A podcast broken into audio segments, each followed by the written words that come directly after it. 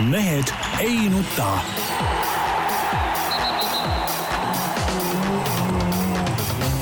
mehed ei nuta. selle eest, et mehed ei nutaks, kannab hoolt Unibet, mängijatelt mängijatele. tere teisipäeva, Mehed ei nuta eetris nagu tavaliselt. siinsamas suurepärases Delfi stuudios Tarmo Paju Delfist. Tervist, tervist. stuudio omanik. jaa, ikka, ikka sama suurepärase jutumärkides puterdava sissejuhatusega peame alustama seda. nagu alati. Peep Pahv Delfist, Eesti Päevalehest. tervist. Jaan Martinson Eesti Päevalehest, Delfist ja igalt poolt mujalt. nii, on meil poliitikast midagi rääkida? või ei viitsi? Ega väga ei viitsi. nagu mõtlesin, et kargage pähe midagi. ei no mul nii palju kargab, et, et see Eesti praegune valitsus saab igalt poolt hoopi eest ja tagant ja, ja ülevalt ja alt ja, ja kui juba väga lugupeetud Marje Joosing, konjunktuuriinstituudi juht, võtab sõna ja ütleb, et lõpetage nüüd lõpp, ükskord see ettevõtjate kottimine. et, et siis on tõesti midagi väga valesti, et noh, rääkimata kõigest muust, et ma ei noh, varem, kui oli see eelmine valitsus paigas, siis oli ka noh, üks osa kiitis, üks osa laitis, aga nüüd ma peale enesekiituse küll mitte midagi kuskilt maalt ei kuule. ja see, et, et nüüd pensionärid hakkavad rohkem maksu maksma kui Riigikogu liikmed ja, ja meie. meie. rohkem, see on, Jaan, praegu sa oled soga tegelikult. miks see, miks? kuidas rohkem hakkad maksu maksma kui Riigikogu liikmed? ei no töötavad pensionärid. mõni töötav pensionär saab rohkem palka kui Riigikogu liige? ei no põhim-, põhimõtteliselt nemad peavad nüüd selle uue süsteemi järgi ne, neilt läheb rohkem pappi maha kui, kui Riigikogu no, liikmetel. saavad ju sissetulekut, no mis siis teha siis? nojah.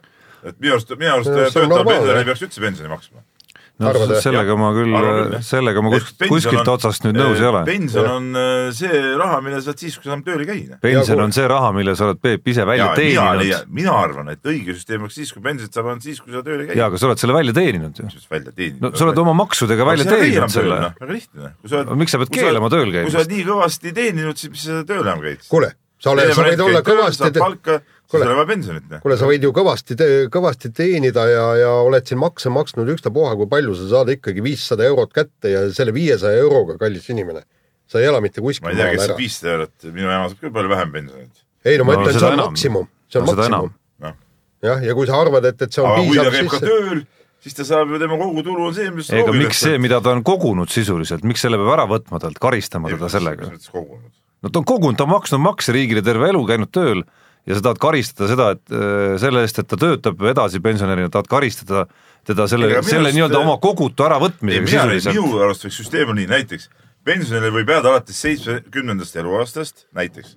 nii, aga kui sa käid veel tööl edasi, siis midagi ei olegi, sa võid jääda, ei pea jääma. et põhimõtteliselt seal on noh, paljud pensionärid käivad lihtsalt tööl poole kohaga, nad saavad Oleks... noh, teenivad kakssada, kolmsada eurot lisa, et põhimõtteliselt siis võtta pension ära ja et siis selle tööl käimise eest ta peab selle kahesaja, kolmesaja. ei, sellel Peebu pakutud asjal võiks jumet olla siis, kui ma okei okay,, kuni ma tööl käin, siis äh, ma ei saa pensionit, aga ühel hetkel, kui ma enam ei käi siis ma saan nagu noh, selle võrra rohkem veel. ei no sa, saabki tegelikult rohkem, eh, saadki ei, rohkem. no ma mõtlen nagu märgatavalt rohkem. jah, vot, aga see ei ole märgatavalt rohkem. kuule, aga. aga kui, oota, Jaan, aga kui inimene saab eh, kakssada eurot, käib poole võrra, saab kakssada eurot eh, palka juurde või ütleme, saab palka pluss pension näiteks, mis on mingi kolm-nelisada eurot, siis ta kokku teenib ju ju ütleme, on kuus-seitsesada eurot kuus ja ta ei maksa mingit, mingit maksu.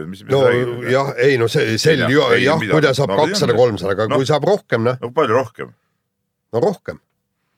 ma ei tea, olukorras, kus Kule. meil on töötajaid pigem puudu Eestis, võiks ma ei, pigem, ma pigem soosida. ma ei väga, et puudu on, ma näen, inimesed otsivad tööd, otsivad tööd kuid ja kuid ja kuid ei leia, saadavad sadu CV-sid välja, kuskil tööle ei saa. mis, mis tööd no, teeb ma näen samas ettevõtjad, kes otsivad ja otsivad ja kuid ja kuid ei leia endale töötajaid. no need on mingid võib-olla kindlad spetsialistid, aga üldiselt tavainimesel on, ei ole töö leidmine väga, väga lihtne. no ja alles sa lugesid kuule. isegi teenindajad otsitakse tikutulega taga poodidesse müüjateks või? Eh, vaata, meil oli alles lugu LP-s sellest, eh, eh, kes siin selles tulistamises osales siin, endine politseinik, mul praegu nimi ei tule meelde, eks ole.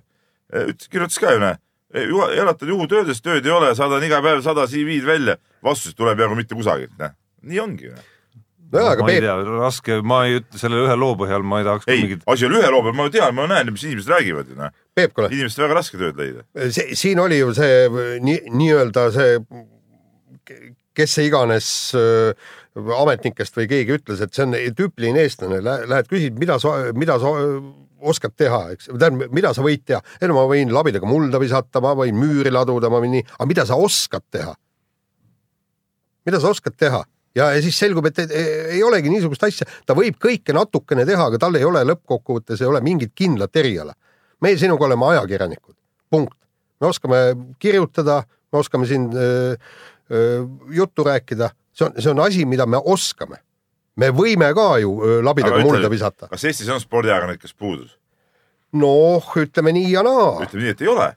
no, ühtegi vaba kohta kuskil ei ole toimetuses ju. No ütleme niimoodi, no ma võin öelda, et on mitu ala Eesti ajakirjanduses, kus on inimestest puudus.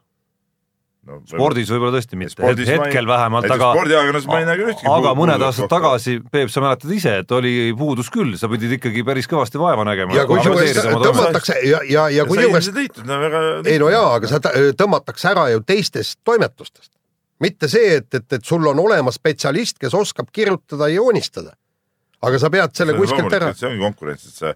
ei, ei, see, see on okei ja see on, see on väga tore, aga, aga, aga ma ei ütleks, et neid ka ülemäära palju on. kuule, aga okei lõpetame nüüd selle jutu, räägime nüüd siis äh, hoopis spordist ka ja alustame sellest, et EOK siis äh, no ilmselt pärast äh, meie saadet äh, otsustas Ott Tänaku äh, ikkagi individuaalsportlaste kirja panna aasta sportlase valimisel. selle, selle puhul hurraa, aga paraku äh, Mart Seimi võistlust, mis on nüüd siis täna öösel, ära ei oodata ja, ja kõik valik toimub, no ma ei kujuta ette, kui, kui Mart Seim tuleb nüüd kas hõbedale või kullale täna öösel. et, et kuida-, kuidas siis mina näiteks? oma valiku ammu ära teinud, tead. no paljud inimesed samamoodi. aga mina just spetsiaalselt aga ootan Mart Seim,, just põhimõtteliselt tegin ära, et näidata EOK-le nende süsteemi totrust. et äh, jääbki Seim näiteks, kui ta on maailmameistriks, jääb ta ilma tiitlita kahjuks. no, no, no see oleks muidugi, see oleks täielik pläkk, kui tõesti Mart Seim tuleks maailmameistriks ja selgub, et ta ei ole parim sportlane, parim sportlane, no ükstapuha, kes selle MM-il hõbeda ja pronksi võitnud meestest. no selle tõenäosus muidugi, nagu te teate, ei ole väga suur, aga aga teo-, aga teoreetiliselt loomulikult on see olemas ja, ja Mart Seimi näol on tegemist sportlasega, kes äh, sellel samal spordiaasta tähtede galal on säranud juba varem ka. Ehk siis äh, ei ole mingisuguse mehega metsas tegemist, kelle suurvõistlust noh, võiks osata nagu arvestada iseenesest. ja, ja, ja segaseks jääb see põhjendus ka seal natukene, et kui kakskümmend üks detsember on kuupäev, millal hääletus lukku läheb, siis ma ei näe küll põhjust, miks ei oleks võinud oodata veel homseni selle alustamisega. selles suhtes ma ei saagi nagu aru, et EOK et kaks, kaks nädalat, see on ümmarguselt, ongi kaks no, seda nädalat, küll oleks küll. sellest on nagu küll ja rohkem veel. ütlen, et EOK on korraldanud see parima sportlase hääletusi ja asju eh, noh, juba aastaid ja aastaid, aga üks ämber ajab teist taga iga jumala aasta, eelmine aasta oli rahvahääletusel pandi see, et sai valida ainult eh, ühte inimest, mitte panna seda eh, viie sportlase järjestust, eks ole, noh nüüd saab seal kolm panna, noh asi seegi, siis seesama Mart Seimi case on tegelikult varem olnud ju Ujujatega. eh, Triin Aljandiga, eks ole, ja Mart Aljandiga ujujatega, kellel on on äh, lühiraja tiitlivõistlus alati detsembris. Ja nüüd tuleb ka ja sel aastal ka, ka. eks ole, noh, okei, meil praegu ei ole niisuguse tasemel ujujaid, aga ikkagi, aga, aga ühed ja samad ämbrid kogu aeg, noh, nagu, nagu küll juba ei saa, no võtame sama see, noh, seesama Ott Tänaku teema, kõik asjad, no siuksed lollus lolluse otsast. ja kusjuures eelmine aasta oli vist Kelly Sildaruga oli täpselt seesama case, et jah. teda ei lülitatud sinna sisse ja ma, ma ei mäleta, kas lõpus lülitati või mis, mis sellega tehti, rahvas oli igal juhul ääretult pahane, aga ma absoluutselt ei saa selle pärast aru. Sildar on muidugi see asi, et noh, tal ei olnud tiitlivõistluse tulemusi ka eelmine aasta. no jaa, aga okei okay,, aga noh, valikus võiks olla, kui me vaatame, kes seal üldse praegu valikus on no.. nii, aga teine küsimus on see, et, et no me, me oleme nii kangelaslikult oma traditsioonides kinni, tähendab mei-, EOK-d ja neid eh, parima sportlasi valijaid ei huvita õiglane tulemus. Neil on kõige tähtsam see, et, et saaks oma kahekümne seitsmendal detsembril selle auhinna üles, üle anda ükstapuha kellele et ka, kas on parim või ei ole parim, see, see, sellel puudub absoluutne tähtsus. samas miskipärast soomlased eh, keset jaanuari annavad seda auhinda üle. see on jama, tegelikult peab ikka olema, et detsembris, see on nagu selge. No aga- sellega ma olen nagu nõus. nagu oletame, kui tõstmise maailmameistrivõistlused või ma ei tea, okei sõud, sõud, sõud, sõud, mis suvel või talvel ei tehta, aga noh, mingisugune suur võistlus, ma ei tea, maadlus kas või toimuks kolmkümmend detsember no need ei toimu kolmkümmend detsember. kui toimuks, noh. kui oleks meil, oleks meil suusahüppaja näiteks väga kõva suusahüppaja, nelja hüppemehe turnee toimub alati. Tour de Ski nelja, toimub nelja, äh, detsembris. nelja hüppemehe turnee ja Tour de Ski lõpevad jaanuaris ehk need tulemused lähevad järgmise aasta arvestusse. no kui sa ikka nagu ei, ülivõimsalt paned seal no, sa ei saa ju aasta lõpu seisuga. jaanuari eh, lõppeva võistluse võitjat eelmise aasta parimaks sportlaseks, no see on nonsenss. ma ei tea, Inglise liigas mängitakse jalgpalli, no igasugu variante on võimalik leida, mis siin detsembri lõpus ka Ainuke, toimuvad. ei no ma ei näe seda selles, selles suhtes on nagu õige, ikka vana aasta asjad tuleb vanal aastal ära klaarida, kõik need nagu meie ettevõtteski, jõulupidu on jaanuaris, see on ju see ei ole jõulupidu siiski no,, Peep. see on uusaastapidu. mis uusaastapidu, firmas on jõulupuud, eks, jõulupuud peetakse detsembris, kõik. mingi jaanuaris mingi pidu, see on naljanumber no,. see ei ole jõulupuu, ma räägin no, sulle no.. aga peab olema. miks? sest et nii on ette nähtud. kus? igal pool.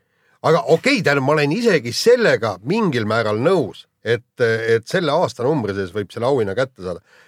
Noh, kas on see kakskümmend seitse detsember, kolmkümmend detsember, noh, seal nagu suurt vahet ei ole, aga igal juhul tuleb ära oodata. ei, seda muidugi, loomulikult tuleb ära oodata. kõik tiitlid no,. ega see hääletamisperiood ei pea olema mingi sada aastat pikk. no tegelikult ja. piisab ka nädalast. nädalast piisab rahulikult, kes tahab, hääletab ära, selle nädalaga on kõik. ja tulemus sellest ei muutu. noh, ütleme enda kogemus näitab ja ma arvan, et see kogemus on üsna sarnane siiski mujal ka, et suurem osa hääletajaid ikkagi teevad selle esimese mõne, mõne päeva jooksul ära, et edasi kindlasti see nii-öelda kõver läheb allapoole.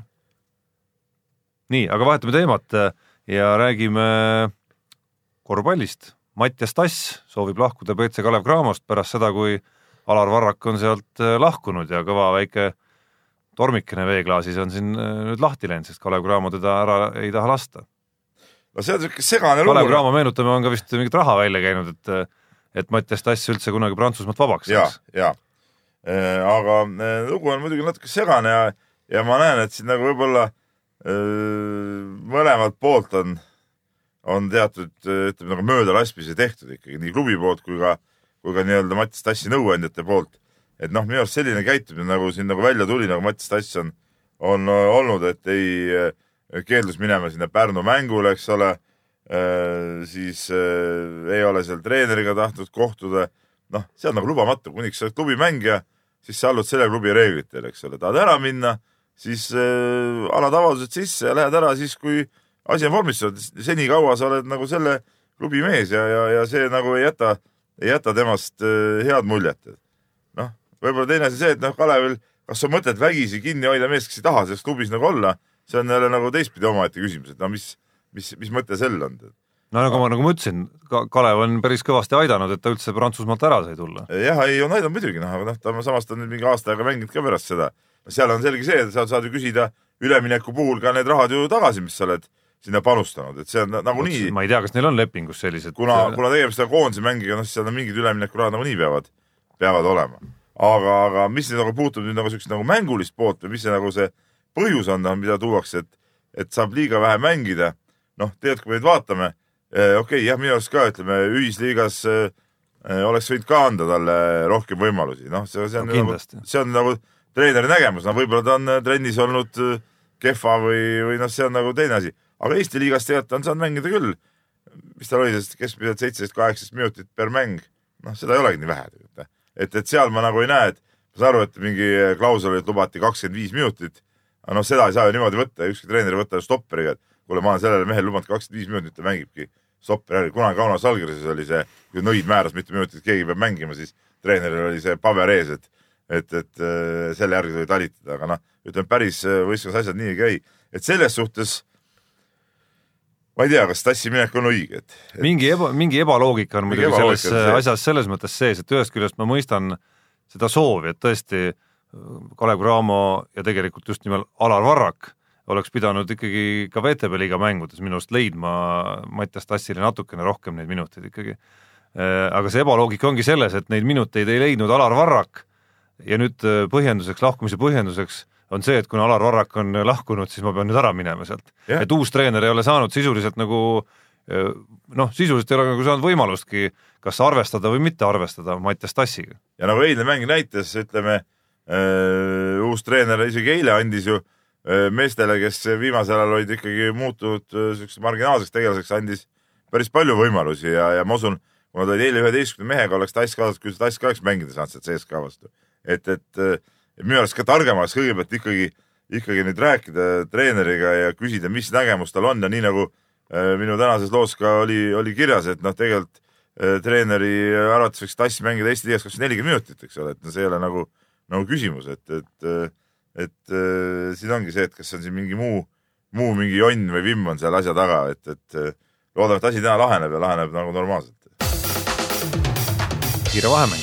nii, kiire vahemäng ja alustuseks äh, räägime Aivar Rehemast, kes ootamatult sattus äh, nii-öelda mulgiõuna äh, skandaali ja, ja see oli, see oli täiesti üllatav, vaatasin AK uudiseid ja siis esi, esialgu nägin, et, et kuidagi kahtlaselt tuttav vee, mees vilksab kaadris ja siis tulebki Aivar Rehemaa allkiri mitte, et suusataja ja olümpiamängudel pürgija, vaid äh, mulgeõuna tegevjuht Aivar Rehemaa hakkas selgitama ja tont selle õuntega, eks, et mul on omad õunad olemas.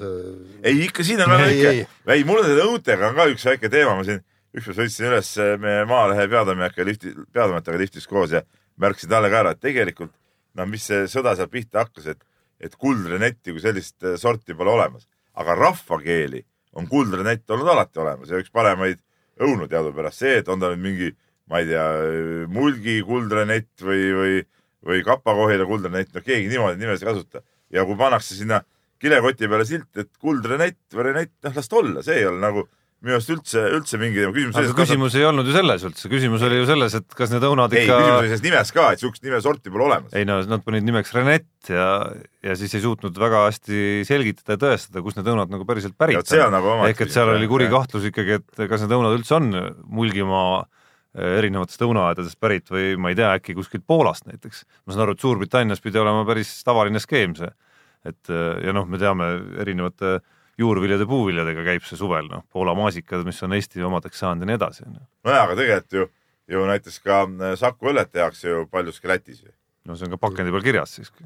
nojah no kes seda väikest kirja ikka loeb. aga, aga teine küsimus on muidugi see, et, et äh, noh, nagu Suusaliit äh, ka hakkas uurima, et kuulge, et me Suusaliidu äh, peasekretär ja, ja president olid ka väga üllatunud, kui selgus, et, et nende suusataja, kes peaks tõesti trenni tegema ja olümpiamängudeks valmistuma, et tegeleb hoopis mingite õuntega samas ta saab ju EOK-lt ettevalmistustoetust ja no,, ja palga. ei saanud vahepeal vist. no tähendab, põhimõtteliselt ta sai kõik selle raha nüüd takkajärgi, eks, aga, aga samas EOK seisukoht on ju väga selge, et müügu võib pirne, peaasi, et, et ta valmistub olümpiamängudeks. kas Rehm... valmistub, on praegu küsimus. no Aivar Rehm ütles, et ta, ta, tal on haigusviim sees, aga kindlasti tuleb ta välja. vot siin, siin on tegelikult üks väike, väike möödalaskmine Suusaliidu poolt, kui nad panid olümpiamängude Äh, kvalifitseerumise üheks võimaluseks läbi Eesti meistrivõistluste. et, et äh, Eesti tšempionid nii äh, justkui kvalifitseeruks mängudele, eks. noh, mis, mis ei ole ka muidugi päris kindel, aga, aga, aga vähemalt see võimalus on olemas. kui ikkagi panna lõppkokkuvõttes, sa lähed olümpiamängudele. ei noh, FIS, FIS punktid on. no aga me saame aru, et tippsport. Rehemal on täis, ta pole mõistlik see aasta. ei no põhimõtteliselt ta saab Estikatel, kui ta, kui ta selle ära võidab, tähendab see, kes tuleb Eesti meistriks, see saab niikuinii need öö, punktid täis. ei, ei saab, saab. kui isegi FIS-i võistlusel mäletan, Marko Kilp oli seal esimesel, esimesel võistlusel päris tipus ja isegi siis ei saanud täis. ja, ei rahvusvahelisel võistlusel on raske saada, aga, aga ma just vaatasin, vaatasin, et, et Eesti võistlustelt see ei ole nagu probleem. minu meelest on see, et, et olümpiamängud on rahvusvaheline võistlus ja sinna saab pürgida ainult nii-öelda läbi maailmakarika no me oleme lihtsalt nii kõva suusamaa, et Eesti meistrivõistlused ongi vaata raskem võib-olla kui rahvusvaheline, noh nagu Keenia jooksjatel no.. no tervikuna jätab muidugi see Rehemaa lugu ikkagi siukse natuke kuidas ma ütlen, koomilise mulje või tragikoomilise no tippsport see ju tegelikult ei ole, millega Aivar Rehemaa tegeleb enam, seda, seda tunnistas ta ju ise ja. sinu tänases intervjuus.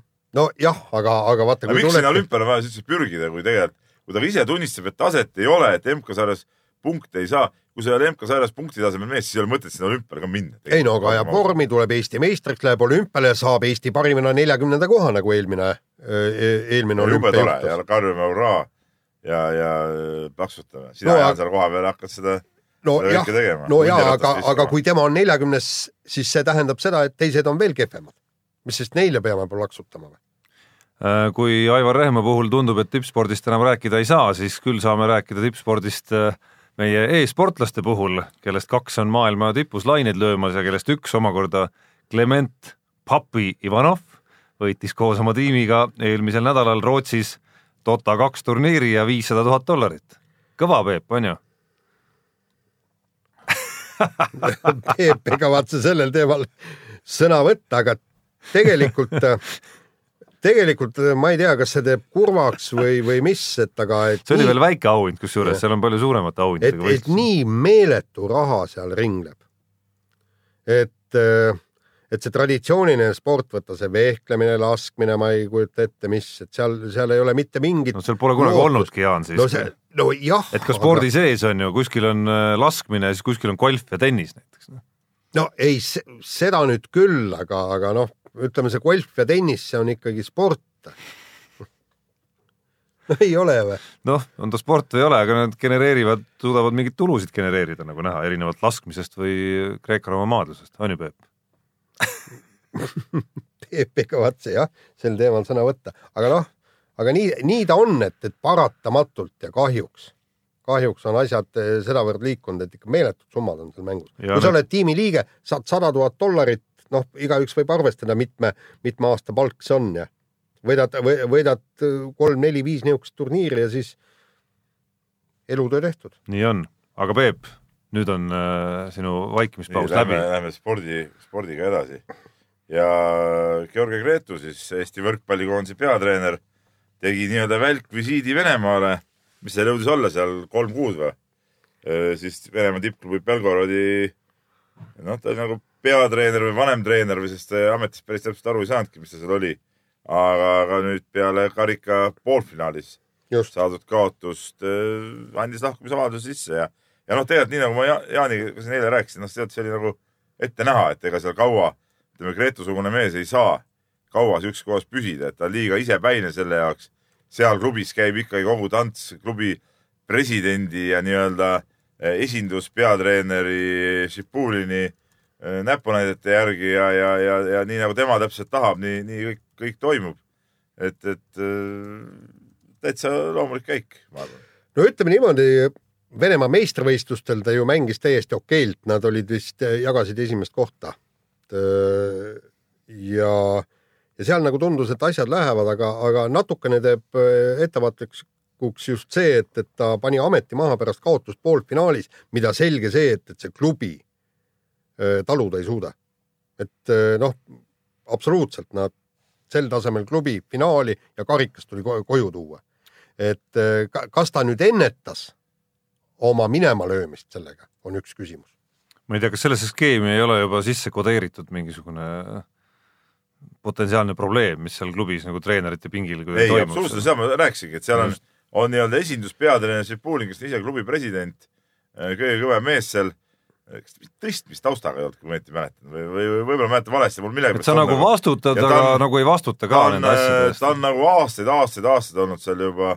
Ja, ja, ja tema kõrval siis käivad nii-öelda päris treenerid seda, seda nii-öelda musta tööd tegemas, meeskonda ette valmistamas, meeskonda mängudeks valmistamas, ka, ka mängu ajal juhiseid andmas, aga eh, ma tean, et vanasti käis see juhis andmine niimoodi, et see käis läbi Šipulini enda Äh, ma ei tea, kuidas praegu täpselt Gretu seal olid, aga, aga ta põhimõtteliselt ikkagi, ikkagi noh, ta oli nagu nii-öelda musta töö tegija, need no, kuidas... ja need treenerid on seal vahetunud äh, päris paljud. no kuidas sulle meeldiks, kui kuskil oleks veel äh, sporditoimetuse juhi juht no, siis täpselt no, kirjutab siis... sulle ette, mida teha tuleb, no sa ei oleks nõus töötama sellise skeemiga, noh. kui ma hakkan mõtlema minu, ütleme eelmisest kohast äratuleku peale, siis sellist skeemi seal üritatigi punuda nojah. nii ongi. nojah, aga kui, kui nii-öelda alluvad, ehk siis kõige... ja õige mees ei ole niisuguse asjaga nõus ja selles suhtes ma Gretuga olen nagu päri, käis ja proovis ära seal, noh, nägi, et asjad nii seal noh, ei toimi nii nagu tema tahab päris ja, ja ongi kõik. nojah. no vähemalt mängijatega oli ta rahul ja, ja seal probleemi nagu ei olnud, nagu ta ise teab. nii, aga võtame järgmise teema ja räägime pisut laskesuusast, rohkem räägime laskesuusast veidi hiljem, aga, aga MK-etapil juhtus äh, paras äh, jama, kui keegi pani enne starti pihta meie kuulsa Roland äh, Lessingu suusad, vend läks treeningsuuskadega rajale, punkte paraku teenida ei õnnestunud. Eesti parim oli küll vist sellel võistlusel, kui ma õigesti mäletan. just, aga, aga jah, et kuidagi niimoodi, et nüüd on siis töö ümberkorraldus, et enam ei panda öö, suuski nii-öelda boksi najale öö, seisma, vaid viiakse sportlasele otse starti kätte, et antakse käest kätte, ma ei tea, kas allkirja vastu või mitte. aga, aga jah, noh, esimest korda kuulen, et, et niisugused öö, jamad on Te,. no seal poksialadel ju, te, te olete ro- rohkem kui minagi käinud, aga ka mina olen käinud, seal ju suusad igal pool vedelevad. igal pool. vedelevad jah, ja, ja, ja noh, vot, vot ei oska öelda, kas pandi pihta või kaotas ära või mis seal. kuigi ma mäletan, ma olen korra käinud elus Östersundis äh,, siis oli mm seal, et äh, mulle, mulle jäi niisugune mulje küll, et, et sinna oli võimalik tuiama minna sinna boksialadele nagu põhimõtteliselt igaühel, et pärast toodi suusad tagasi ikkagi. ja no pärast toodi. tagasi jah, aga Aga no, siis on variant, et see läheb- keegi, no keegi, kaks varianti, keegi võttis kogemata või see oli ikkagi mingisugune noh, arvati, et äkki Lessing on nii kõva. nii kõva ikkagi et elimineerime tema ja võimalused või?, jah, Johannes Tingnes-Pöö ja Tarjei Pöö andsid pigem see korralduse läheb. ikkagi järjekordselt Eesti sportlaste uskumatute juhtumiste mingisse registrisse. no küllap on neid teistel maadel ka, me ei tea ei, no kindlasti on, aga noh, kõlab nagu kõik nagu koomiliselt. uisukruvid ja kõik need täpselt no.. trikood Indrek Seil. et noh, see on nagu, on, on naljakas, midagi pole parata. aga kiire vahemängu lõpetuseks, kui vaata, mulle satub hästi täna siin kiires vahemängus, et kõigepealt üks teema, mis mis nagu Peebu ikka viis täitsa nagu verest välja kohe ja nüüd teema, ei, mis verest välja, mis ma Peebule- ignoreerisin seda. Mis Peebule meeldib kindlasti ja teeb südame soojaks, ehk siis Ott Kiivikas, kes on värske raamatu välja andnud, annab seal ka kuldse nõuande kõikidele noorsportlastele, pigem võtke pits viina, aga ärge suitsetage. no kuidas meenutada, ma olen seda korduvalt ka siin saates samasugust asja ütelnud, korduvalt ja nii on. ta ongi sinu pealt äkki selles ah? nagu, võib-olla minu pealt ka, noh jah, miks ka mitte, aga küllap Kiiviks teab ise, kuidas asjad käivad, no ütleme, ei no tema juttudesse ma saan Jah. aru, et, et kõik on järgi proovitud. kõik on järgi proovitud ja, ja, ja mina tuginen ka puhtalt enda kogemustele, noh, ma tean, et tippspordis sul küll läbilõhk kuidagi ei, jäi lühikeseks. seda küll, ma räägin üleüldse nagu inim-, no ütleme, inimesel on kasulikum alati võtta sada grammi eh, teravat, kui eh, tõmmata ära, ma ei tea, kas või pool sigaretti, noh. sest et suits, see on saatanast, noh, see, see ei, ei, ei kõlba kuskile, see tapab inimese ära. väike alkohol on ikkagi tervisele kasulik, see on ju, öeldakse alati terviseks, keegi ei hakka suitsu juba näiteks terviseks noh. ja siis eh, pahvitseda seda, ei ole nii. küll aga vits, noh, tervist, terviseks nii on kusjuures eile just lugesin ajakirja Maitsed ja seal David Vseviov, meie tunnustatud äh, ajaloolane, rääkis borsisupist ja, ja et, et äh, kuidas seda keeta ja kõik, millised erinevad borsid on ja viimase lausena andis teada, et pits viina enne borsisuppi teeb asja ainult paremaks. nii et äh, ja noh, no see ei ole Borsiga nii ainult vist. ja see ei ole, noh, tähendab, no kas sa kujutad ette seapraadi hapukapsastega ja sa ei võta sinna alla üht teravat. kas on üldse võimalik seda süüa niimoodi? ilmselt ei ole. ilmselt ei ole jah, jah, nii on. nii, aga lähme nüüd järgmise saate osa ja kirjad jah. kirju on palju nagu alati, aga võtame siit mõned ette. Kõigepealt me eelmises saates siin rääkisime sellest tehnikaspordi võimalikkusest olümpial, kas sa, Jaan, sina, kui sa oled siin suur ajaloolane meil alati tahad olla, aga sa ka ei, ei osanud ju tookord öelda, et tehnikasport on olümpial ikkagi olnud kavas. no on küll jah, nagu selgub. jah, tuhat üheksasada kaheksa siis eh, Londonis eh, selgitati olümpiavõitjad kolmes veemoto paadiklassis, nii et, nii et see teooria, mis me siin välja käisime, et, et mis oli, see inimjõul peab eh, liikuma või? Et see nagu otseselt ei, ei, ei vastanud tõele. jah, tuhande üheksasaja kaheksandat aastat ma tõesti nii, nii hästi no see, enam ei seda korra mäleta. tehti, ei tähenda, et see nüüd Jah. nagu, et sellega on avatud tee siis ütleme mootorispordile ja olümpiale. kuigi aga, aga muide te,, tegelikult siin nüüd üks väike mõte küll on, eks, et kui, kui nagu öeldakse, et olümpiamängud on enamasti väikeste marginaalsete alade võimalus maailmale nii-öelda ette jääda, et öö, neid, neid saaks öö, nagu vaadata, siis, siis see need paadiklassid, kus meie omad meeletuid medaleid võidavad, et, et see on ka ju see iseenesest marginaalne sport, kui me vaatame, kui palju seal osalejaid on, kõik muud niisugused asjad. aga miks see võiks olla? miks ei võiks olla näiteks tõesti paar paadiklassi olümpial? teine asi, jääpurjetamine. seal on vist ainuke probleem on see, et, et ei ole kohta, kus olümpiamänge pidada. noh, selleks peab ju olema mingisugune ärakülmunud järv või, või siis ärakülmunud meri. jah, aga, aga jääpurjetamine olümpial, jumalast pro. nojah, see ei ole enam nagu see päris, see teema enam. nojah, okei okay,, see motospordiga on, noh, vormel üks, no mis sa arvad tõesti, et ei, ei no see, ei no esiteks see on võimatu ju, ükski vormel üks auto ei veere elu sees olümpiamängudele, miks nad peaksid tahtma sinna tulla? no Neil on oma business, noh nagu näete, ei jõua varsti NHL-i ja KHL-i hokimehed isegi sinna. Kahjuks küll. nii ja lähme edasi, Lauri küsib Tartust, et eh, teemaks siis jalgpalli MM-i eh, alagruppide loosimine, mis Moskvas toimus ja tekitas jälle mingeid kummalisi küsimusi, et Venemaa sai, sai eh, väga siukse lihtsa alagrupi ja räägiti seal mingid kuumadest pallidest ja külmadest pallidest ja, ja, ja Lauri, Lauri küsib, et miks ei loosita palle lototrooniga, et miks peab üldse käsitsi neid loosima, et et autotrooniga kaoks ära kõik kahtlused, et küll olid pallid soojad ja karvased. no olgem ausad, et, et äh, ka selle lototroni kohta on igasuguseid äh, noh, nii-öelda vandenõuteooriaid, et kuidas seal mingid pallid on kergemad, vaata kui alt sealt õuga puutakse, et mõni pall on kergem ja siis lendab kõrgemale ja siis lähebki sinna auku ja kõik, et, et ma, ma arvan, et si, siit noh, mingit võimalust ei ole, et, et vandenõuteooriad sel teemal ei toimiks. No just saab petta ka alati kuidagi, kuigi noh, okei okay,, mina muidugi ei usu, et see, mis seal no., seal oli mingid auväärt inimesed ikkagi võtsid neid palle, mis need siis, kõik need siis räägiti. et neile anti juhtnöörid, et nüüd võtad selle sutsu soojema palli seal. jah, et see nagu kõlab nagu absurdselt, aga mis mulle seal MM-i alagruppides nagu silma hakkas, et et kas MM-il on nagu nii palju võistkondi ja kõik ja, ja igast umbluusatse. tegelikult ikka ebahuvitavad need alagrupid ju, olgem ausad. tegelikult ikka igas alagrupis on kaks normaalset satsi ja kaks mingit täielikku umbluud ju noh. ja, ja kas no mis Venemaa seda kerget grupigi puudutab, siis sinna on ju see sisse kodeeritud kohe sellel hetkel, kus sa Venemaale annad ju sellise asetuse.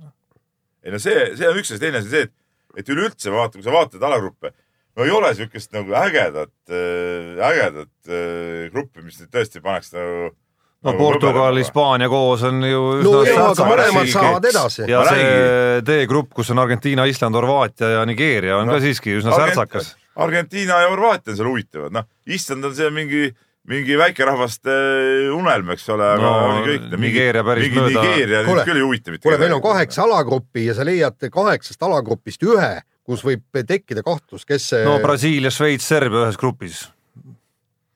ei, ei kuulutaks küll veel nagu selle järjestust lukku, lukus olevaks näiteks. noh, ja kas see Serbia ja Šveits on jube huvitav või. Saksamaa, Mehhiko, Rootsi ühes grupis samamoodi noh. igatahes mul enamus on seal ikka mingi täitsa umblugu nagu. sest, sest mina olin täiesti nõus sellega, et, et see oli huvitav, kui oli kakskümmend neli satsi. sellepärast, et siis ju osadest alagruppidest pääsesid kolmanda koha osa, omanikud ka edasi ja seal oli intriigi kuni, kuni viimaste voorudeni. et, et ke- kes neid punkte kogub, millised alagrupid on nii-öelda kehvad, kus kol, kolmas meeskond ei saa edasi ja, ja se- seal oli action'it küll. aga tegelikult Lauri kirjas on teine küsimus, see on palju huvitavam küsimus tegelikult. ja, ja see tuleb korvpallist, see teeb muidugi see küsimus huvitavaks. aga no tegelikult ka sisu on huvitav, et milline korv on teie arvates Eesti koondisel läbi no no, aegade? lihtsalt, lihtsalt selle jalka kohta, varsti läheb ju veel suuremaks jalgpalli no MM. no sellest siis siis on see esimene faas nagu veel nii-öelda veel tähtsusetu ebahuvitav,. jah. Aga siis segasid ära, huvitav küsimus, ma hakkan otsast pihta. milline korv on teie arvates Eesti koondisel läbi aegade olnud kõige tähtsam? et Lauri enda arvates on see üheksakümne kolmanda aasta EM-i viimase sekundi korv üle platsi söödust. vist oli Metstakile, no ole Lauri nagu, kurat küll, ma ütlen, noh. kus vist oli Metstakil, loomulikult oli Metstakil, noh. Ja Kuusma ainult- Kuusma söötis üle platsi. kes viskas Belgia vastu võidu ja saime sellega kuue hulka, no kuue hulka me sellega muidugi ei saanud. No selle me saime kõigepealt alagrupist üldse edasi. vahegruppi. vahegruppi jah, ja aga, aga eh, siis ta toob veel näiteks samas kodumäng Prantsusmaa, kui Kullamäe pani üheksakümmend meetrit kolmese näiteks. no mina ütlen ka, ei no et see, selle ühe korvi vastu selle Metsaki korvi vastu ei on saa nagu võimatu vist- saada, esiteks on Eesti mänginud finaalturniiril noh, juba see mängu tähtsus ja kaal, eks ole, seab selle ette, et Eesti on mänginud finaalturniiril kolm korda ja ja ühelgi korral noh, ei ole nagu sellist olukorda tekkinud üldse, et me seal kuskilt alagrupist veel edasi pääseme. Ja nüüd, kui üks korv oli see, mis selle otsustas, siis väga nagu valikut ei ole ja, ja nendel kordadel, kui me oleme pääsenud finaalturniirile, siis ka nagu ühest korvist ei ole kunagi see kinni olnud, et kaks tuhat üks äh, võideti ikkagi see viimane mäng üsna kindlalt, lõpus no lõpus natukene vähenes vahe Tšehhiga kodus, aga ja viimane kord samamoodi ei olnud seal mingit teravust nagu lõpus ikkagi öö, hakkasime ka mõtlema neid Eesti korvpalli tähthetki ja, ja ühel hetkel mõtlen, et pagan, et me oleme kogu aeg mingisugusest läbi, läbi nagu susserdamisega saanud öö, kirja need kõige paremad tulemused. esiteks Nõukogude Liidu meistriks tulime ju tänu sellele, et äh, oli vaja rahapakid anda, vist oli Mosk Moskva Dünamole, et nad kaotaks, kaotaks mängu, muidu me poleks üldse tšempionaadil saanud.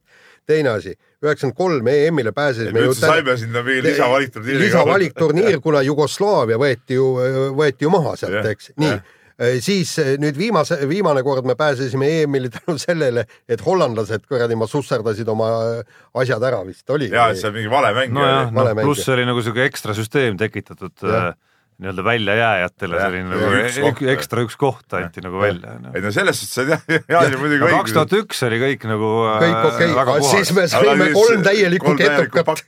nojah, siis meil oli ka kaks kõige tähtsamat või mitte kõige tähtsamat, aga kaks väga tähtsat mängijat puudu lihtsalt.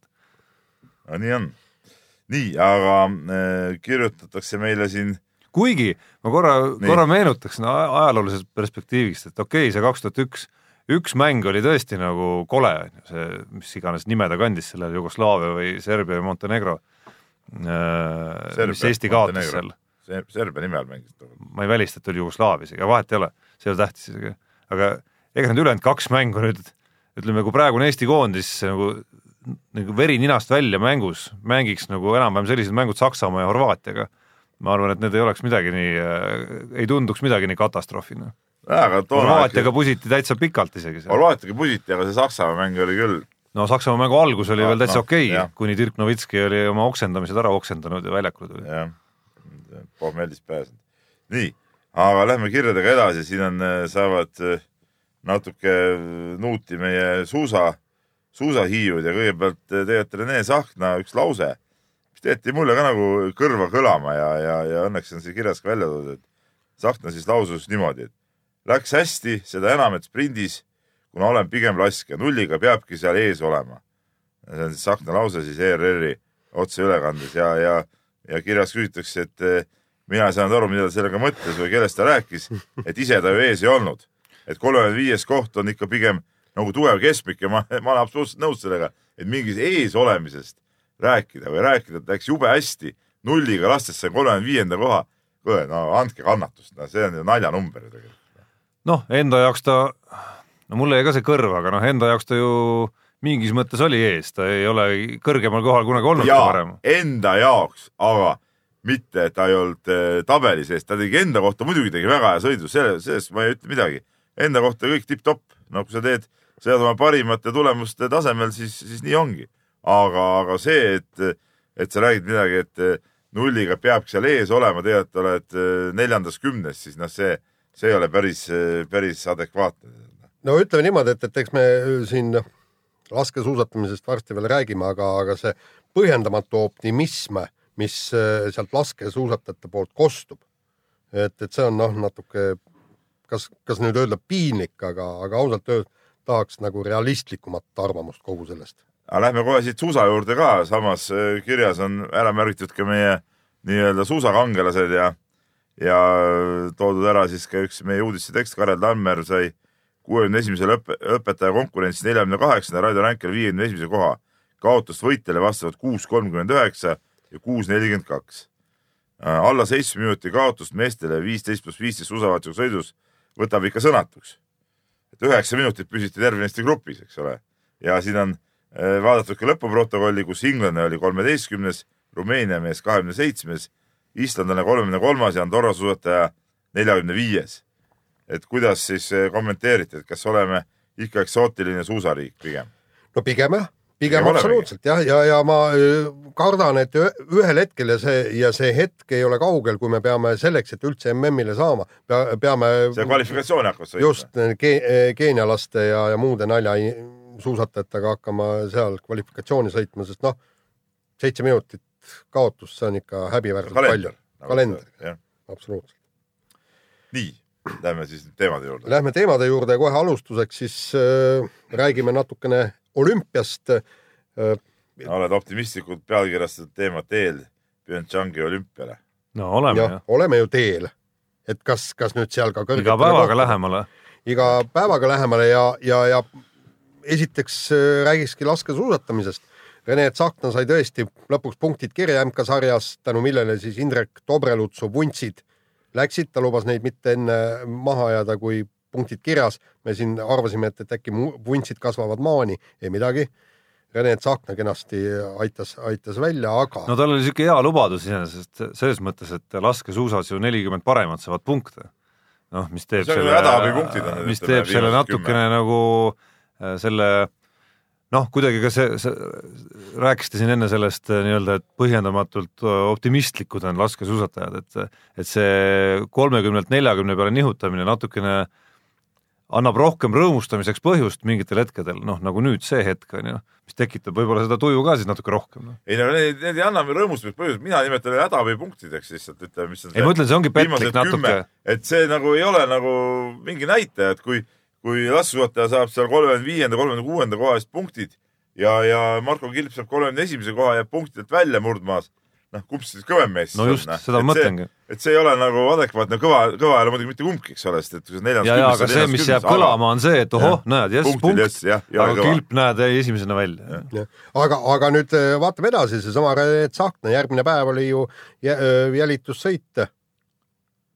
laskepoiss küll, aga sealt oleks tulnud äh, võidelda ennast kahekümne sekka, oli no, võimalus. oli võimalus kui oleks paremini lasknud kindlasti no, jah. Ja noh, Kalev Ermitsal oli nagu eriti hea võimalus, kes on ilmselgelt näib olevat äh, ainus Eesti laskesuusataja praegu, kes suusakiiruselt nagu vähegigi on maailmaga nagu konkurentsis ikkagi. sarnane natuke. no sarnane jah, et äh, ütleme kahe trahviga ju sprindis ei jäänud Tsahknast nüüd just eriti kaugele ehk siis ja ka seal oli tal tegelikult variant nagu puhtalt ka kolmekümne hulka sõita ennast, aga viimane tiir läks siis natukene nagu okei okay,, päris palju nihu ikkagi. Et selles mõttes ei ole nagu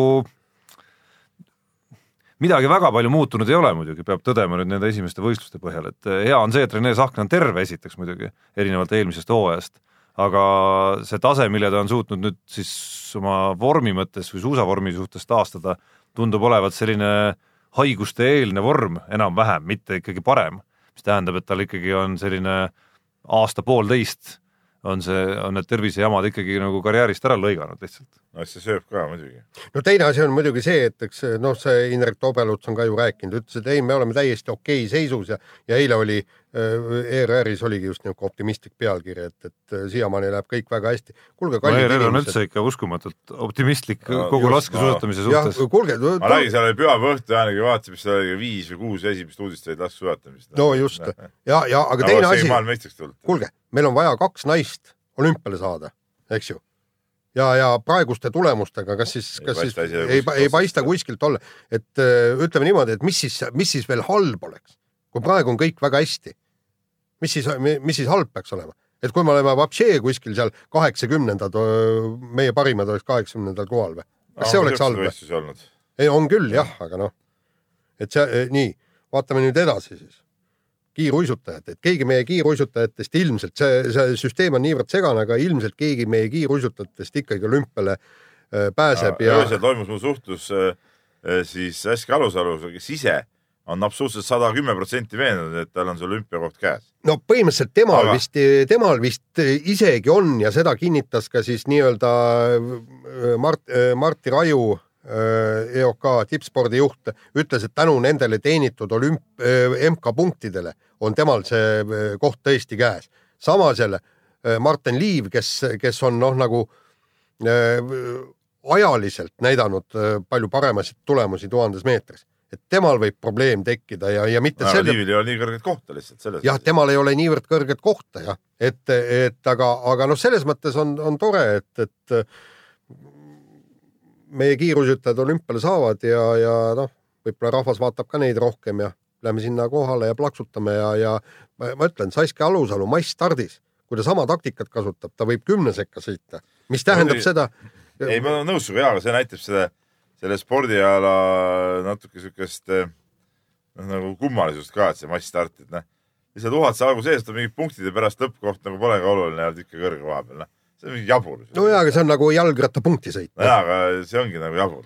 noh, sest jaburuse sisu seisneb ju selles, et kui sa seda teed, siis on selge, et sa noh, nagu sa ei konkureeri üldse nagu selles No, no, sellel teemal, et kas sa finišis oleks kõrgel kohal või mitte. esikümne koha peale lihtsalt noh, et see nagu on nagu, ongi nagu kummaline. no jaa, aga esikümne koht annab sulle ju neljaks või kaheks aastaks korraliku sissetuleku aga ja no, kas see on kõike. siis sportimise eesmärk või? Ei no jah, aga siis saad siit edasi minna, sul on vähemalt võimalused laiemad edasi oma tulemust no parandada. see on kindel, et noh, võidu peale ta nagunii ei võistleks selles sõidus olümpiamängudel, no see on nagu täiesti kindel, eks. Et need võimed lihtsalt, võimete erinevus on liiga suur selle jaoks, mis tähendab, et minna välja nagu ma ei tea, üheksanda koha peale ja põletadagi need sillad seal, ma ei tea, samas ei saa välistada, et olümpial on võib-olla veel keegi, kes on saanud innustust temast. Ma kahtlustan, et ta ise on ka muidugi saanud innustust kellestki ei teisest. no see oli selge taktika, noh, ütleme No nii, nii ta ka rääkis, et see oli, see oli selge taktika selle peale välja minna. kusjuures ta on MM-il ju ka kümnes olnud. ja no antud juhul ta ei olnud kümnes, Ta oli neljas, selle Ja- taktikaga õnnestus neljas isegi olla ja. ei no ma mõtlen, et esikümnes, eks ju, MM-il viimasel ringil oli tähtsam mitte jääda äh,, mitte lasta ta ringi sisse teha, mitte viimasel ringil, vaid mitte lasta lõpus ringi sisse teha, siis need punktid kaovad ära. ja, jah. no vot, selline reegel on. nii ja, ja siis lõpetuseks olümpiateema lõpetuseks, siis täna selgub, kas äh, Venemaa pääseb PyeongChangi olümpiale või ei pääse või pääseb, pääsevad sportlased ilma riigi nimeta ehk siis riigitud sportlased ja ma, ja ma arvan, täielik lollus kuhugi lo,. lollus küll, aga aga ühe arvan, kirja jätsid ju ette ka lugemata, meil oli ka sel teemal kiri ju, Ants kirjutas meile, ma mäletan. aa, tead, Antsul oli veel siin ka, kell läks nii paljuks, tal oli siin ka huvitav korvpalliteemaline kiri, et mida ei jõudnud lihtsalt menetleda, noh mm -hmm., aga, aga, aga mulle tundub vähemalt praegu, mis ma nüüd täna hommikul neid materjale olen lugenud, et ilmselt venelased lastaksegi olümpiamängudele selle klausliga, et nad võistle oma riigi eh, aga nimel. see on ju nõmedus ju noh. jah, aga mis see on siis see hokikoondis tuleb siis üleni valges äh, särgis või? jah, see on nagu soojendussärkides mängivad. jah, no see on jabur Jaan. on jabu. see on Aga- täiesti, kogu see triangel on ju, see on ju debiilsus kuubis. no see, mida noh, samas see, mida Venemaa ise Sotšis tegi, oli ka ikka täielik debiilsus kuubis, olgem ausad. mis sa, mis sa siis teed nendega? tõestatud, sa ikka tegid või? no mulle tundub, et on ikkagi. aga millega tõestatud on siis? no kas see- see, noh, kui sa ei usu mitte kedagi, kes midagi ütleb, siis muidugi ei, ei ole. sõnu, muidugi usu, faktid nad maksavad. praegu on sõna sõna vastu. praegu on puhas sõna sõna vastu ju. ühtegi fakti ju ei ole. ja, ja kui, kui kohtusse läheks sõna sõna vastu, siis. no aga miks nad ei lähe siis? noh? ei, läheb, kõik asjad lähevad spordikohtusse, sellepärast ma enne, enne ei võtagi ju üldse mingit seisukohta, kui spordikohus ma- ainus, mis mind nagu, ma ei, ma ei arva, et nad, et nad ei pruukinud seda, jah, pruukisid küll, aga mingit tõestust ei ole. ainus, mis mind hämmastab pigem on see, et, et see nüüd alles praegu on tekkinud see teema, okei okay,, ma saan aru, et raporti teine osa tuli nüüd välja, mis just. kuidagi täiendas. see raport, ja see siis raport on ju täitsa kõige absurdsem see endine- mida maksab mingisugune raport, mingisuguse inimeste kokku kirjutatud umbluu, see on nagu, see on nagu meie artikkel, tead noh, ega seal mingit vahet ei ole ju, mingit suuremat faktilist tõestust selles ei ole. no seal oli faktiline tõestus oli see, et oli selle vilepuhuja päevikud olid olemas, eks, ja selle vi- vile ja siis nad selgitasid jah, et ei ole mingit alust arvata, et need päevikud oleksid kirju, kirjutatud äh, hiljem kokku et see on aastate jooksul kõik ta on täitnud ja ei ole ka põhjust arvata, et ta on sinna päevikutesse valet kirjutanud, kuidas, kuidas ta ise söötis sportlastele dopingut sisse. Ja see ongi siis ko- praegusel hetkel ma ei saa sellest, ma ei- saa sellest kuulsast vilepuhujast ka nagu aru, et kui sa tegid seda kõike, neid a- asju ära ja siis ta järsku pool aastat peale seda Sotši olümpiat nii-öelda paljastas kõik, nüüd ta siin alles mingi eelmine nädal saatis mingisuguse kirja, et igal juhul Venemaa kõrvaldada olümpiat ei tohi, oli see minu arust ta on ju riigireetur tegelikult. ta võib. reetur olla, aga see ei tähenda, et ta valet juttu Ah, räägib. aga kas ta on õige mees seda öelda või ei no ei, see ei ole ei, üldse, see ei ole Ei, tähtis küll üldse tähtis. selles. Miks ei miks see tähtis on? küsimus Miks- on, kas Venemaad lasta olümpiale või miks ma mitte pean Päti juttu uskuma? ei no kas, mis sa ütled, miks ma pean Päti, juttu kas Bernatski? juttu ka ei oleks tohtinud uskuda siis või? ei no kui tal on faktilised tõestused, siis jah, lõpuks ta ei suutnud midagi tõestada, järelikult ei olegi midagi teha. Mm, no ma ei tea, minust ei suutnud ka teised tõestada, et ta, et ta valet räägib. jaa, ei teised ei peagi seda tõestama. see, kui sina ütled minu kohta midagi, sa pead seda tõestama faktiliselt. nii on. aga noh, jätta nüüd äh, ja, ja peale selle praegused Venemaa sportlased, paljud ei olnud Sotši olümpiaga mitte mingil määral, mitte mingil moel äh, pistmist. vot noh, see on põhiline teema Noh. et, et selle käigus saaks karistada kindlasti päris palju neid ka, kes noh, seal raportis isegi kirjas ei ole, onju. see on nagu see aga see raport ei ole ka mingi minu alus. arust nagu kõige Jah. keerukam osa. ei no see on, see see- on kõige keerukam, aga ma ütlen veel kord, kuniks ei ole faktilist tõestust, ei ole mitte mingit õigust hakata sportlasi kuradi. ei no sama hästi võib öelda, et äh, ma näen pealt, Peep, kuidas äh, sa lööd siin maha kellegi tänaval ja sa ütled, et sellest ei piisa, faktilist tõestust on vaja, too mingi DNA või Ei. ma ei tea, vereprits. kui sa oled nii, et mitte keegi rohkem seda ei näinud, siis sa ei saa loomulikult ei no ole kust sa. tead, et seal ei ole midagi rohkem? ei no aga siis oleks välja toodud. no selles mõttes mingid uurimistoimingud on seal käinud ju järelikult, kui on äh, leitud, et et, et see päevikud et siis- need, ei, see et, et nii see kaua jutt ei ole vale noh?. kus need päevikud nii kaua olid? ei, ei, need, need olid kohe. ei, seda üle, miks sa kohe välja toodud siis? noh, no sa tead sama hästi, Peep, et äh, väga paljud asjad maailmas tulevad hiljem välja mingitel põhjustel ja see, et nad, neil on mingid noh- põhjused taga, ei tähenda, et see vale jutt. minu arust muidugi äh, venelased peaksid selle vilepuue välja nõudma ja noh, siin eluaegade vangla, vanglakaristus igal juhul. no see, mida nemad sellega teevad, tehku mis tahavad. sest tegelikult see on ju, see on ju, tegelikult on ju pätt, eks ta, okei okay,, kui see kõik oli nii, nagu ta räägib, noh, mis ei võis no ta ise oli esipätt. nii, ta ise oli esipätt, eks ole. nii, ja siis nüüd hakkad siin midagi siin seletama veel, tead, no mis õigusega. kuulge, spordi kohustab, spordi kohustab otsuse lõppkokkuvõttes, nii, aga meil aeg sunnib takka ja räägime kiirelt. Sebastian Ogier jätkab siis M-spordis ja Tänak äh, läks Toyotasse ja üldse, üldse on kogu see asi natukene hämar minu jaoks on jäänud, eks, et nagu selgub, et äh, M-spordi boss Malcolm Wilson pidi kõvasti tööd tegema selleks, et raha kraapida kokku äh, Ogier jaoks ja nagu ma siis äh, olen kuulnud äh,, tahtis ta ka säilitada Ott Tänakut. kust ta oleks leidnud selle kahe mehe jaoks raha, kui ta ühegi mehe äh, jaoks on vaja pappi kokku äh, kraapida? siis võib-olla Ožeeri säilitanud, mis, mis no vot see, vot see, vot see on nüüd teine, teine no, küsimus. õudne hämar asi nüüd, ei no mitte hämar asi, No aga, aga ta ju nagu Ott ütles intervjuus, eks ole, et äh, küsimus ei olnud rahalises pakkumises, rahaline pakkumine oli korralik M-spordi poolt. küsimus selles, et ta tahtis olla kindel esinumber, noh. ja ei, selles mõttes on õige, vot sealt ongi küsimus, et siis oleks M-sport öö, säilitanud Ott Tänaku. vot see oleks tore olnud.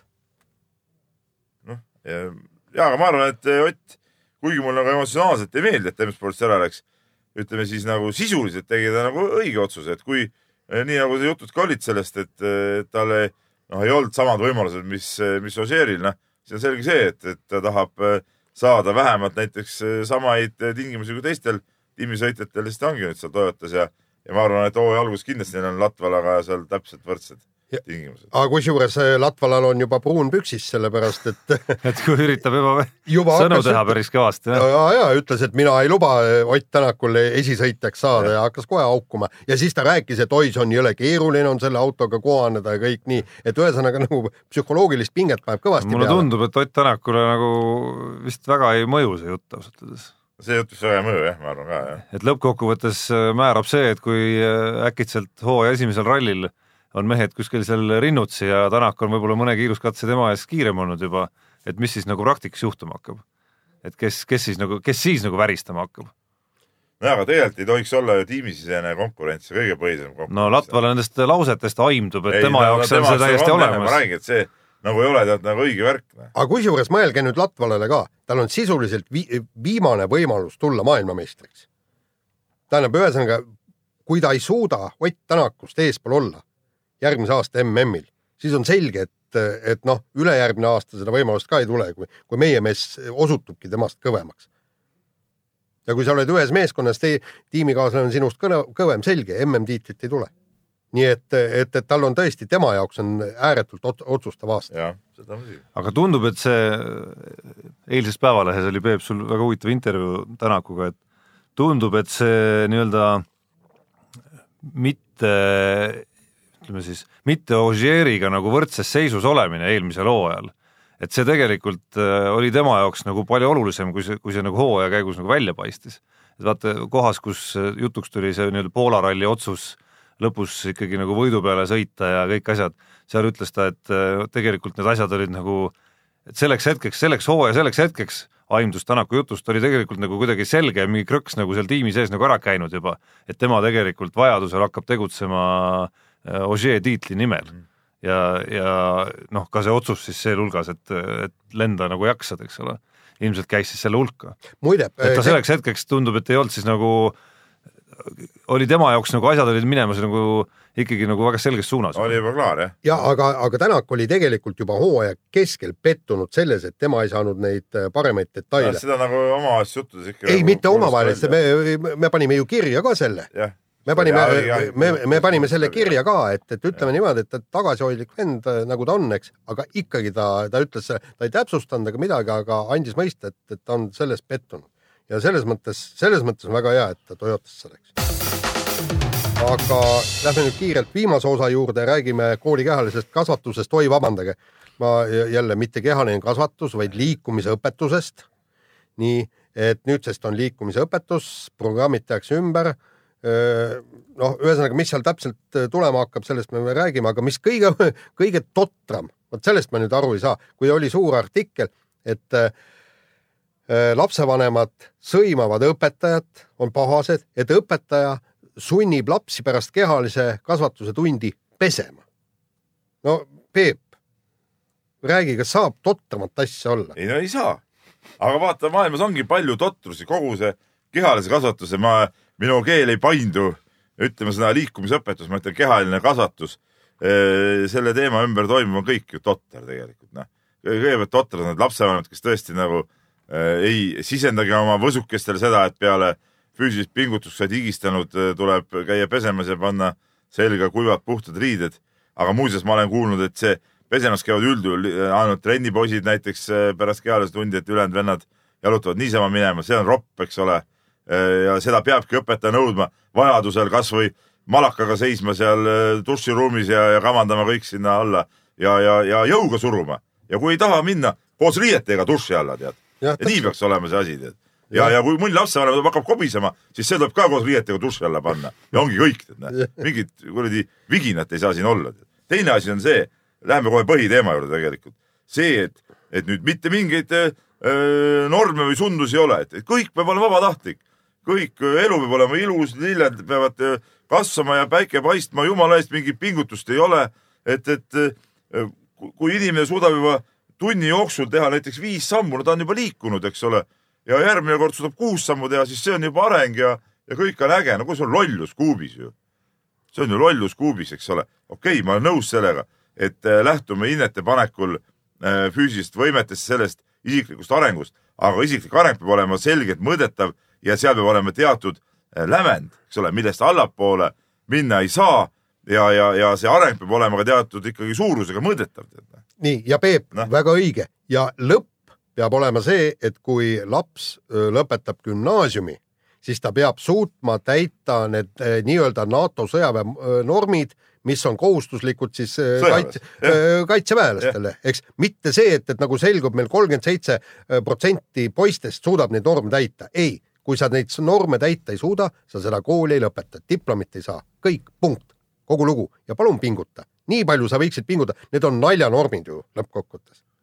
Noh, kolmas teema siin otsas on, mis ei muutunud vist praegu kuskilt otsast, mis muutus on juba varem toimunud, on seesama kehaliste äh, vähesus, ütleme siis. no see arv, see on nali. see, kuidas ma avastasin nüüd ise ka, et poiss läks kuuendasse klassi ja no õppeaasta on küll kestnud mõnda aega, aga, aga mingil, mingil ajal siin, kui see teemad tulid üles, tuli nagu jutuks ja siis ma hakkasin ise ka vaatama tunniplaane, ongi nii, viiendast-kuuendasse üleminekul Äh, kolme kehalise pealt kahe peale. No.. et kas see on vist üleüldine Eestis või no väga, väga levinud? no minu poiss käib gümnaasiumis, eks ole, gümnaasiumi osas, nendel on kaks kehalise tundi, need on ühel päeval.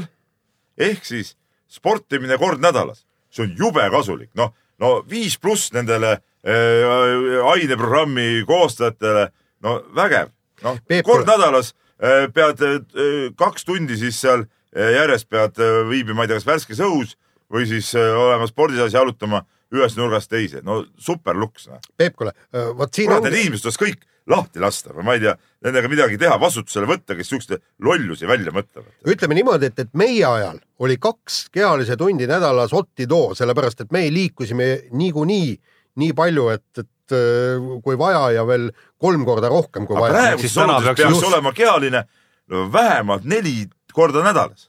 ja, ja kusjuures me võime ka siis siin teha nii, et need poisid, kes öö, teevad trenni ja suudavad täita nii-öelda endisi norme, Neil võib ju Tead, tegelikult tead, saab- tead, nendel poistel, kellele, kes teevad trenni ja need normid on nii-öelda noh, ma ei taha vale, kohatult öelda, aga noh, ühesõnaga lihtsalt teevad ära selle. Nendel ei ole selle, nende kõik nelja kehalise tunni vastu ka mitte midagi. ei ole, teine asi on see, et trennipoistega on ka nii, et minul noh, kuna mul on need trennipoisid ka käivad seal koolis, tihti ma õpetajaga lepin kokku, nad teevadki hoopis neid asju, mida ma palun teha, eks ole, seal saab alati noh, nendega ei ole seda probleemi, et nad ei, ei saa hakkama teist-kolmandat asja, noh, saab ka tunnis siis ütleme, õpetaja tuleb mulle vastu ka tihtipeale, et et saavad tegeleda asjadega, mis nendel on tarvis. Nendes ei ole küsimus, küsimus ongi just nendes, kes kuskil trennis ei käi. ju no., aga, aga vaata, siin ongi see, et, et nendele, kes trennis ei käi ja kes on ebasportlikud, vot neile tuleks igal juhul öö, panna kirja neli kehalise tundi, kasvõi siis siis, kui koolipäev on lõppenud, siis nemad tulevad, vaata, saad aru, sa need, selle nii-öelda eliidi võtad sealt ära sellega sa saad seda rahvast nagu rohkem kokku panna ja, ja, ja nendega sa saadki ju tegeleda just nii-öelda õpetada neid tegema seda, teist, kolmandat, mida need trennipoisid niikuinii juba oskavad, on ju, eks. nojah, sest kuskil mingi probleem isegi noh, siiski nagu on, et selle rappimise käigus, mis siin kõlas praegu äh,, seda, siis kui tuli see uudis eelmisel nädalal nende muudatuste kohta, siis tegelikult ikkagi kas me vaatasin, vaatasin kas või ma ei tea, noh, Facebookis oma mingit tutvusringkonda, seal oli ikka väga palju inimesi, kes nagu nii-öelda hurraatasid ja meenutasid siis oma nii-öelda kooliaega, kus neil nende kehalise kasvatustundide pealt tekkis nagu ja neil polnud põhjust luisata, tekkiski nagu räige vastumeelsus nii-öelda kehalise no mingid kasvatuse või sellise tunni vastu. kehalekasvatustund oli kõige ägedam tund. no ei, minu arust oli ka, selge see, aga väga paljudel ei olnud see nii, see oli tund, mida nad vihkasid kõige rohkem. et midagi kuskil on järelikult valesti ka, et midagi kuskil meie võiks teha, võib-olla see, mida Jaan minu ajal, minu koolis ei olnud ühtegi kutti, kes oleks vihanud kehas. ei no esiteks me räägime siin, me räägime korraga siiski nagu poistest ja tüdrukutest no ka ei tüdrukud, mis oh jumal, kuule, kuule, ma ma toon võib-olla isegi, see Jaani pakutud variant võib-olla sellel, selles see mingil määral töötaks jah, et kui sa võtad sealt need nagu ära, kes jooksevad sinust kolm korda kiiremini ja, ja, ja, ja hüppavad kolm korda kaugemale, võib-olla see midagi noh, aitab neid teisi siis on ju, et see ei Va- tundu vaata- neile nii raju. vaata, siin on ka teine asi on see, et, et äh, need öö, sõltub jõle palju õpetajatest, sest öö, kui mina läksin kooli kehalise kasvatuse õpetajaks, lugesin selle programmi lä- läbi, see oli sedavõrd jabur, et, et ma viskasin selle sõna otseses mõttes prügikasti, sellepärast et seal noh, nagu see kaugushüppe õpetamine, mul on, mul on seal lastel on nelikümmend last on ju, eks. Ja, ja ülejäänud kolmkümmend üheksa nokivad nina, kui üks läheb kaugust hüppama, no see ei ole ju mõistlik, eks.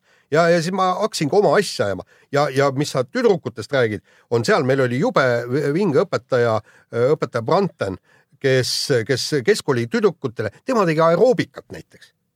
tol ajal niisugust asja nõukaajal, niisugune aeroobika, sellest midagi ei teadnud. makki mängima nii, tüdrukud, davai, teeme nüüd ja, ja, ja kõik tulid väga rõõmsalt ja hurraaga kaasa. no vot, aga see, mis sa räägid jaa, on aga-, vot see, mis sa räägid, ongi suhteliselt ikkagi nagu normivaba nii-öelda. Et sa, ega sa ei, nende normidega ei pane, nii ei saa. seda armastust sa neile ei pane, liikumisharrastust. see ei ole ka õige, et teeme nüüd aasta aega aeroobikat. ei, ei, nad ei teinud mitte, mitte aasta aega. jooksma ja neid asju ka tegema ikkagi tead noh. sa saad aru, mitte, esiteks mitte aasta aega aeroobikat ja teine küsimus on ju see, talvel suusatama. ja talvel suusatad ma tean küll, ma tean küll neid pupujukkusid, kes räägivad, oh, see suuskade kajase tassimine ja see oli nii raske, nii raske.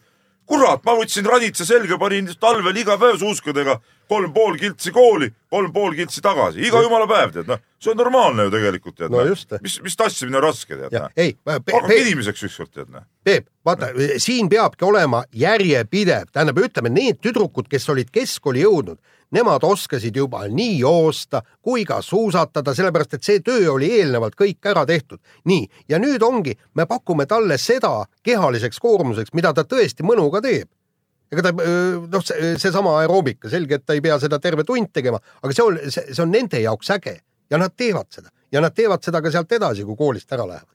vot just see on õige nii, aga nüüd äh, peame vist otsad kokku tõmbama, nüüd vist sai rekord tehtud. nüüd läheme mõõdame ka Peebu vererõhu üle loomulikult, igaks juhuks on äh, telefoni klahvidel üks, üks, kaks on juba välja valitud.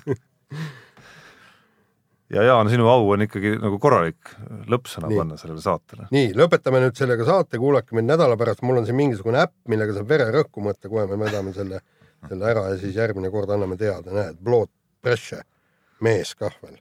no nii, kuulmiseni. Kuulmiseni. mehed ei nuta